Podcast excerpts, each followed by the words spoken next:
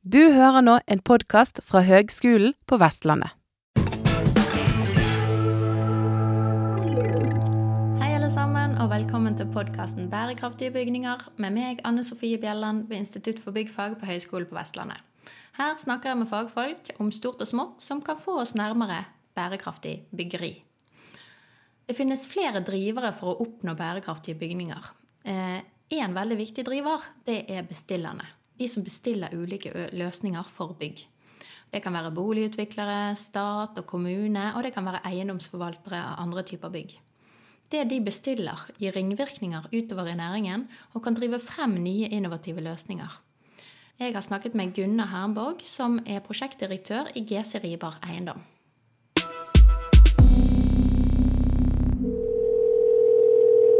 Ja, Hei sann, Gunnar. Hei, hei, Anne Sofie. Takk for at du vil ta deg en prat med meg. Takk, det samme. Du, kanskje vi kan begynne med at du forteller litt om din bakgrunn, hvor du jobber nå, og hva du driver med der. Mm. Ja, det kan du gjøre.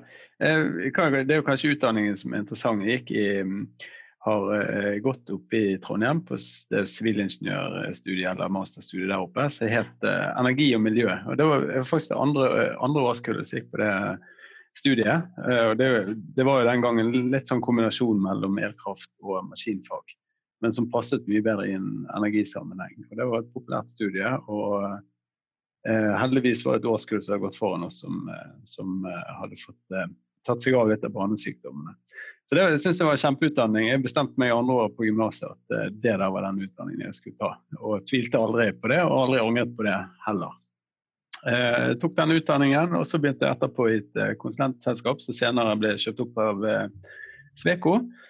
Der jeg jobbet med som RIV, eller rådgivende ingeniør-VVS, inn, inn, mot større bygg. Alt av rør og, rør og ventilasjon i, og energi inn i, inn i nye bygg.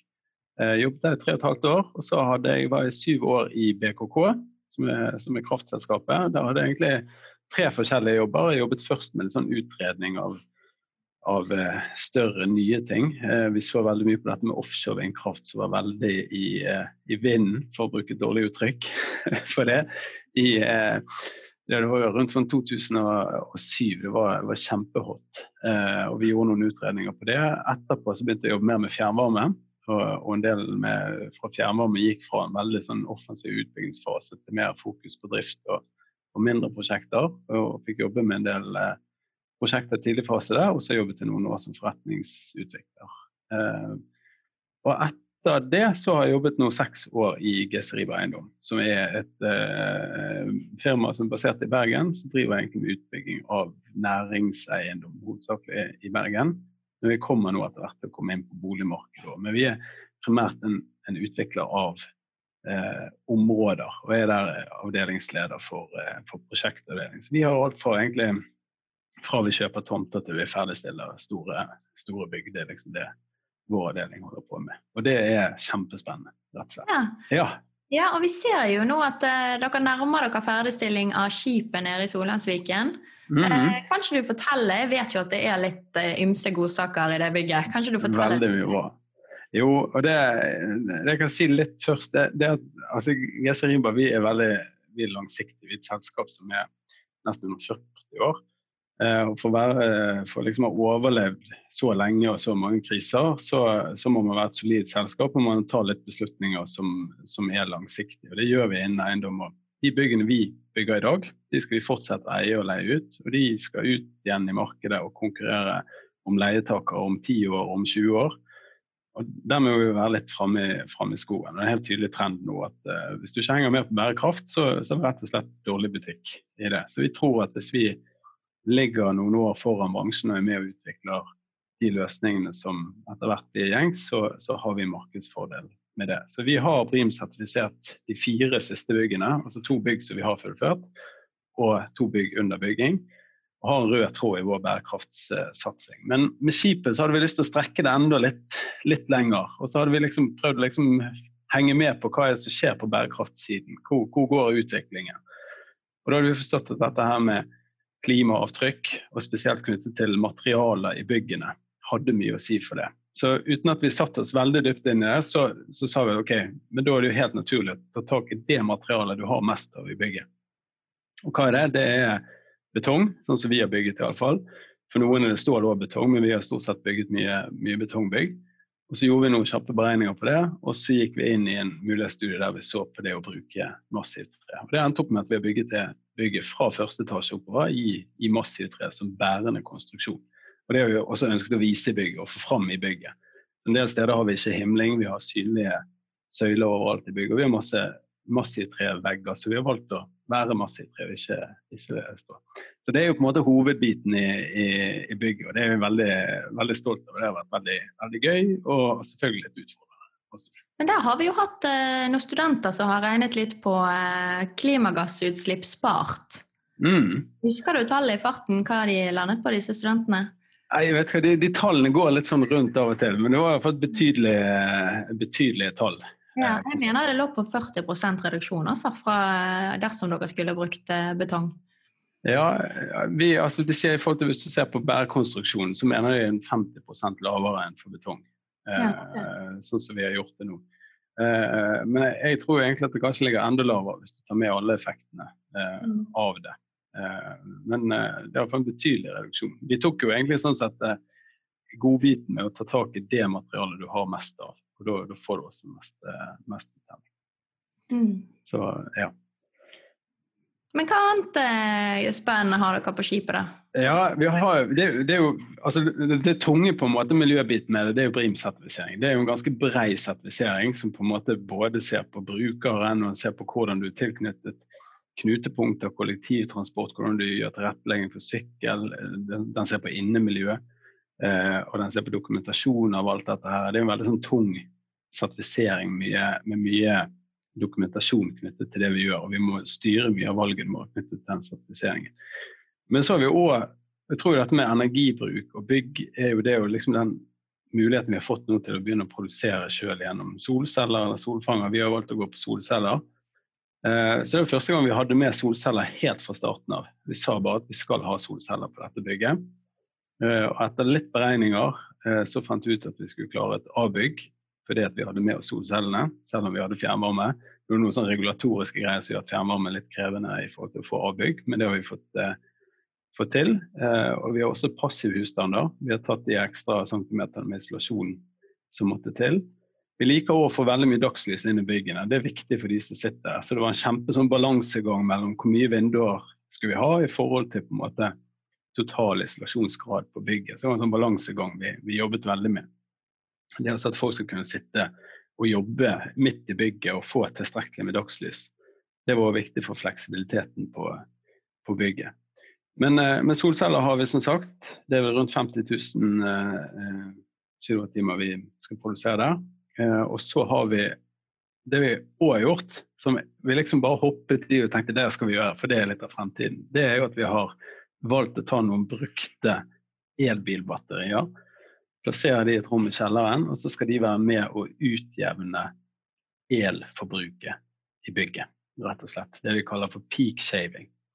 Og det kan vi si både litt sånn økonomisk eh, motivert, ikke at akkurat dette er lønnsomt for, for, denne, for dette prosjektet, men jeg tror at i fremtiden så vil effekt bli priset mye hardere. Og det med å, å, kunne Jeg er jo egentlig opplært gjennom studiet til at energi det kan du ikke lagre annet enn i, i disse her eh, i vannmagasin eller, eller, at du har et lager med kull. Det er liksom Veldig mye av el er ferskvare. Men det har jo endret seg veldig de siste årene. Og så tenkte vi også dette at det kommer mer og mer elbiler. Etter hvert skal de kondemneres og, og batteriene reduseres i ytelse. Kanskje det kan passe for noen stasjonære formål.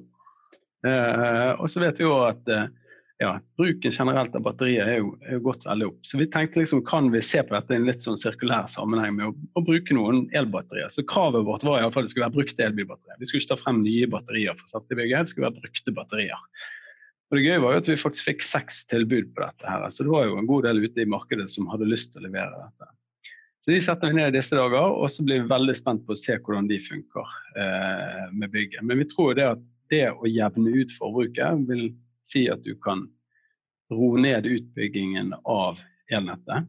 At du kan utnytte det mye bedre. Og Da kan du spare veldig mye miljø med å redusere utbygging av eh, av elnettet. Så her er litt sånn større sammenhenger. Men det, det gleder vi oss veldig til å, til å, se hvordan det skal fungere.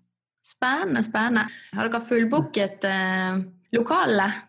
Ja. Bygget er mer eller mindre utleid. Eh, vi hadde faktisk, når vi vedtok å bygge bygget, så hadde vi 40 eh, utleid. Eh, og Det er jo alltid en sånn vurdering man tar. Hvor mye tør man risikere her? på en måte, For det er jo veldig viktig at vi får, får leieinntekter på bygget. Mm. Eh, men det tok jo ikke lang tid, så meldte BKK seg på. Og jeg tror det var et bygg som har en profil som passer veldig i forhold til det BKK står for, og det BKK skal, skal jobbe med de, de, neste årene. Så, så, det var jo noe med at bærekraftsprofilen til bygget appellerte veldig til, til BKK. Mm. Men uh, utforsker dere òg nye måte, kontraktsformer med brukere av bygget, og nye måter å ja, leie eh. ut på, på en måte? Vi, vi har gjort det, og, og, den samtalen går liksom litt i eiendomsmarkedet hele tiden. Vi er veldig sånn kvadratfokusert. Alle kostnader måles i kvadrat. Alle, eh, alle kontrakter måles i kvadrat. Så I fremtiden har man kanskje tenkt skal man heller betale per hode og så putte mer servicer inn i bygget. så At du mer selger en kontorplass enn at du selger kvadratmeter. Mm. Og Det er jo en del av disse kontorhotellene som WeWork og sånne ting som, som har gjort dette. her. Men, men, det viser seg at da tar du utgangspunkt i kvadratmeterne, og så møblerer du de, og så setter du til noe nettverk, og så, og så setter du til en del service knyttet til kantine, kaffe, alt dette her. Altså du, du videreforedler på en måte produktet vi har vært inne på tanken mange ganger, men det er det, det, snakkes mye om, men den store majoriteten av alle avtaler er kvadratmeteravtaler. Men jeg tror det kommer, og jeg tror at vi som utleier må beregne og legge mer inn i leieavtalene enn bare kvadratmeter eh, etter hvert. Det tror jeg. Og, og dermed blir jo på en måte energibruken viktig å vite at du får, får ned energibruken i byggene. Sånn, for den betaler jo de på sånn sett i dag utenom kontrakten. Ja, ja. Mm. Men, eh, men ut ifra det du forteller nå, sant? Som, mm. som byggherre eller byggforvalter, mm. så det der er jo ikke gitt vekk. Det er ganske kostbare tiltak dere har gjort. Og som du også sier, mm. så er det jo ikke sånn at det, at det lønner seg så himla mye, kanskje foreløpig. Så, men, men, så dere som har de rollene som byggforvaltere og byggherrer og driver med utbygging, dere har jo vanvittig makt til å drive frem mm. denne type utvikling. Eh, hva tenker du rundt det? Altså, hva er det så Jeg syns jo dere er veldig fremoverlent, for å si det sånn. Mm. Mm. Er det fordi man har muskelkraften til det rent økonomisk, eller? Jeg tror egentlig du kan oppsummere det i ett ord, det er langsiktighet. Altså det at vi vet at det er vi som skal eie det bygget. Altså Vi bygger ut ifra en tanke om at det er vi skal eie bygget. Veldig mange byggherrer bygger ut ifra at de skal fylle opp bygget, og så skal de selge det videre. Eh, for det er ofte sånn at i, i, i, vår bransje så er det ulike aktører som eier prosjekt i ulike faser. Men når vi er det vi kaller en fullintegrert byggherre, som er med fra A til Å, og drifter byggene og skal eie de, så tenker du på en annen måte. Mm. Og så er det også langsiktigheten. nå. Tenk på at du skal leie det utbygget gjennom 10 år om 20 år. Og da kan du tillate deg å legge inn visse kvaliteter så du tror at markedet vil sette pris på oss om 10 og 20 år. Eh, så det handler litt om å se hvor, hvor tid vil du bare ta ut fortjenesten med en gang du selger det, eller vil du ha, ha med deg noe som gir deg verdi på lang sikt? Men det er klart at for oss er det en balanse i dette. her. Vi kan jo ikke bare gjøre tiltak som, som ikke er lønnsomme. Mm. Men uh, når vi har på en måte et skip som som treffer hva skal jeg si, øverste 25 av markedet, det har en god beliggenhet, så kan du gjøre sånne ting. Har du selvfølgelig hatt et veldig enkelt bygg liggende ute på Kokstad og Lina, så er det litt mer utfordrende. Så vi er i en heldig posisjon å kunne gjøre det. Men jeg vil si at det er langsiktigheten som ligger i selskapet sin DNA. Det er det som gjør at vi kan strekke dette litt lenger enn det andre. Ja, Spennende, altså. Men, men dette eh, skipet er jo et nybygg. Mm, eh, mm. Sysler dere litt med gjenbruk? Det er jo veldig i tiden. Ja da. Altså, vi har jo 150 000 kvadrat med utleiearealer. Og hver gang hver gang det kommer inn en ny leietaker i et lokale, så, så, er det ofte noe justeringer. Eller det kan være skikkelig kraftige ombygginger. Og det pågår til hver tid er det noen ombyggingsprosjekter i våre lokaler. Det er det, det har mer eh, fått, uh, fått, fokus. For det er ofte sånne ting som går under radaren eh, i eksisterende bygg. Så vi tenker mer og mer på det. Og vi ser at det er større og større aksept hos leietaker for å på en måte bruke gjenvunne materialer, male opp igjen en del type interiør og vegger.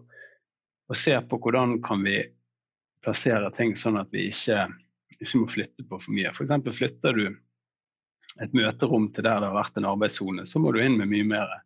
Du må flytte mye mer. Så, så det å på en måte prøve å, å ta med seg de strukturene. Så har vi òg sagt nå at i neste prosjektet vi, vi bygger, så skal vi, skal vi, gjennom en runde der vi skal se hvordan vil vi normalt bygge om disse byggene, og hvordan kan vi bruke materialer fra en etasje til en annen etasje.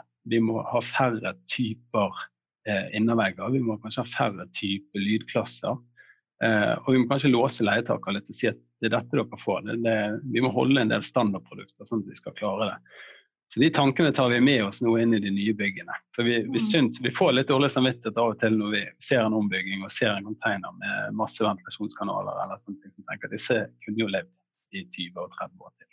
Ja. Så Mye større fokus på det, ja. Og vi har gjort en sånn BREAM-sertifisering, sånn BREAM in use-sertifisering på en god del av byggene våre. De tar i seg disse problemstillingene, så vi må ta hensyn til det. Ja, ok. Men ser du noen, eh, liksom, er det noen store barrierer eller utfordringer ved å få det til, eller er det bare det der at vi, vi har ikke tenkt på det før, ingenting er lagd med tanke på det? Mm, ja, altså, du kan si litt i det der gjenbrukskonseptet. Det, vi, har jo, vi, har, eh, vi var med på et forsøk på dette for noen år siden. og Da var rett og slett problemet at det, det var litt lite fokus og etterspørsel på det. Så vi tok vare på en god del innervegger og dører og alt mulig. og så ble det liksom ikke hentet ut igjen fra det felles lageret som vi etablerte sammen med en del eh, en del andre. Nå ser vi at det er mye mer eh, det tema som tas opp, og man forventer at man har gode løsninger på det. Så, så, men så har vi sett på litt sånne andre gjenbruksprosjekter, og, og, vi har snakket med en del aktører som gjør det. og Det med å ha digitale løsninger for hvordan man kan lage sånn databaser, og sånn, det finnes det flere løsninger på. Det er en del sånn regulatoriske utfordringer på det. Rett og slett på å finne sertifikater og, og, nødvendige deklarasjoner og sånt. Så det er en del sånn, rett og slett byråkratiske barrierer for, for ombruk. Og, og det eh, har vi hørt f.eks. fra Entra som har gjort dette i Oslo, at det har vært en ganske tung greie å komme gjennom. Så der har, eh, der har absolutt offentlige eh, del å gjøre. Ja. Mm. Men har du noen andre spennende prosjekter på gang som vi bør få høre om? Ja, selvfølgelig har vi det. Vi, jo, vi, vi prøver jo alltid å jobbe Jeg jobber veldig mye med ting som skal skje om to år, om fem år og, og kanskje om ti år eh, med reguleringsplaner og sånn. Vi har et eh, bygg på trappene nå eh, som vi skal bygge i rett bak eller Det er jo i forbindelse med Solensviken, men det er opp mot, mot det som heter Mikael Krohns gate og, og, og Damsgårds gate, der de to skiller lag. Det, og det skal vi kalle opp selvfølgelig etter Mikael Krohn, som var en stor mann og har, har lagt sitt preg på dette området og startet skipsverftene her, her, i området. Så det skal vi kalle for Kronen. Eh, og det har vi allerede bare tatt en beslutning på. Det skal bygges i massivt tre. Så det har ikke vi gjort noen egentlig vurdering på. Vi har bare sagt at vi følger det sporet. Eh, vi skal selvfølgelig brimsertifisere det. Og så sitter vi og på en måte, vi har sagt at vi skal ha et fokus på å få ned CO2-avtrykket fra det bygget. Altså Vi skal ikke bare ta gjøre betong om til tre. Eh, men vi må se på alle materialene og vi ser på måten vi bygger det på. Så vi holder på nå å undersøke. Jeg kommer akkurat fra et møte nå med, med mm, en, eh, en, svensk gruppering som har gjort en sånn sertifisering eh, som går på å få ned CO2-avtrykket. og da må vi se mye mer på flere typer materialer. Vi må se på fasader, vi må se på tak, vi må se på, på hva materialer vi velger inn. Og vi må ikke minst se på dette med Eh, byggeplassene våre. Det står jo gravemaskiner og borerigger sånn, som, som, bruker diesel her i dag, og det finnes alternativer. Og Så må vi se hvordan klarer vi får det til på vårt, eh, på vårt prosjekt. Skal, neste uke skal vi snakke med en lokal entreprenør som er kommet et stykke på dette. her. Så utslippsfrie byggeplasser, enda mer fokus på, på materialer, det, det, kommer til å prege vårt neste prosjekt. Helt klart. Veldig spennende. Jeg, mm -hmm. jeg aner jo en liten studentoppgave her. Ja, ja, ja. Det er bare Det er, det er veldig kjekt med studenter. Det vi ser av og til er at vi liksom sliter med det å, å, ha tid til å følge dem opp. Altså, det, det, det, er utfordringen. Men det er veldig kjekt med studentoppgaver. For det får dykket godt ned i en løsning. Du får stilt spørsmål på en litt annen måte enn vi gjør. Du får andre vinklinger inn på det. Og så får du selvfølgelig bidra til, til å løfte kunnskapen generelt samfunnet. Det syns vi er veldig kjekt. Veldig bra. Men nå når vi er inne på studentene, så eh, Mm. lurer jeg på om du har noen gode råd til de som skal ut og ta del i og forme fremtidens byggebransje? Ja, jeg tror må si til altså byggebransjen, Vi erkjenner i byggebransjen at vi står for veldig mye utslipp. Uh, og det, det tror jeg alle seriøse aktører i byggebransjen som er på en måte uh, av en viss størrelse, er, er helt med på at her kommer noe til å skje. Så det, det kommer til å være en stor utvikling i byggebransjen. Så ikke vær redd for å gå inn i den bransjen, selv om vi på en måte har, har store utslipp. Det kommer til å skje veldig mye. Det skjer mye på digitalisering. Eh, så rådet til studentene er jo at kjenner de at det, liksom, det vokser, eller at det er et klimaengasjement der, så er det fullt mulig å få utløp for det i bransjen. Eh, gå ut der og, og bruk den påvirkningskraften du når jeg eh, begynte på energi og miljø, så begynte jeg på det fordi at jeg syns at skjæringen mellom det med å produsere energi og den påvirkningen det hadde på omgivelsene, var utrolig spennende. Eh, og eh, jeg er ikke noe aktivist, men jeg er opptatt av den problemstillingen og har definitivt fått lov å påvirke det i denne jobben her. Så det er mange muligheter å påvirke gjennom arbeidslivet. Så eh, ha engasjementet eh, med, og så er det fullt av muligheter til å påvirke. Og det jeg ser det nå, og det er veldig tydelig, det er jo yngre folk er jo mer eh, for gitt tar de at vi, vi tar dette ansvaret i forhold til klima. Det, det er egentlig veldig gøy for en som meg å se at det blir bare tydeligere og tydeligere. Og jo yngre og yngre beslutningstagerne blir, jo viktigere er klima. Så det, det, det er veldig mye spennende som skjer ute i, ute i bransjen. Så få gjort studiene, og kom dere ut i arbeidslivet og påvirk. Veldig, veldig bra. Tusen takk for praten, Gunnar. Takk, takk, Hans Fie. Ha det godt. Hei, hei. Det er godt med fremoverlente aktører, og det blir stadig flere av de. Så dette her eh, går eh, veien. Så vi får bare eh, glede oss, og jo flere som hiver seg på lasset, jo bedre. Ha det godt.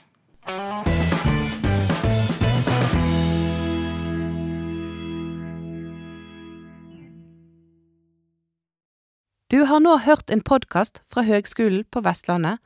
For å høre flere podkaster, besøk hvl.no slash podkast.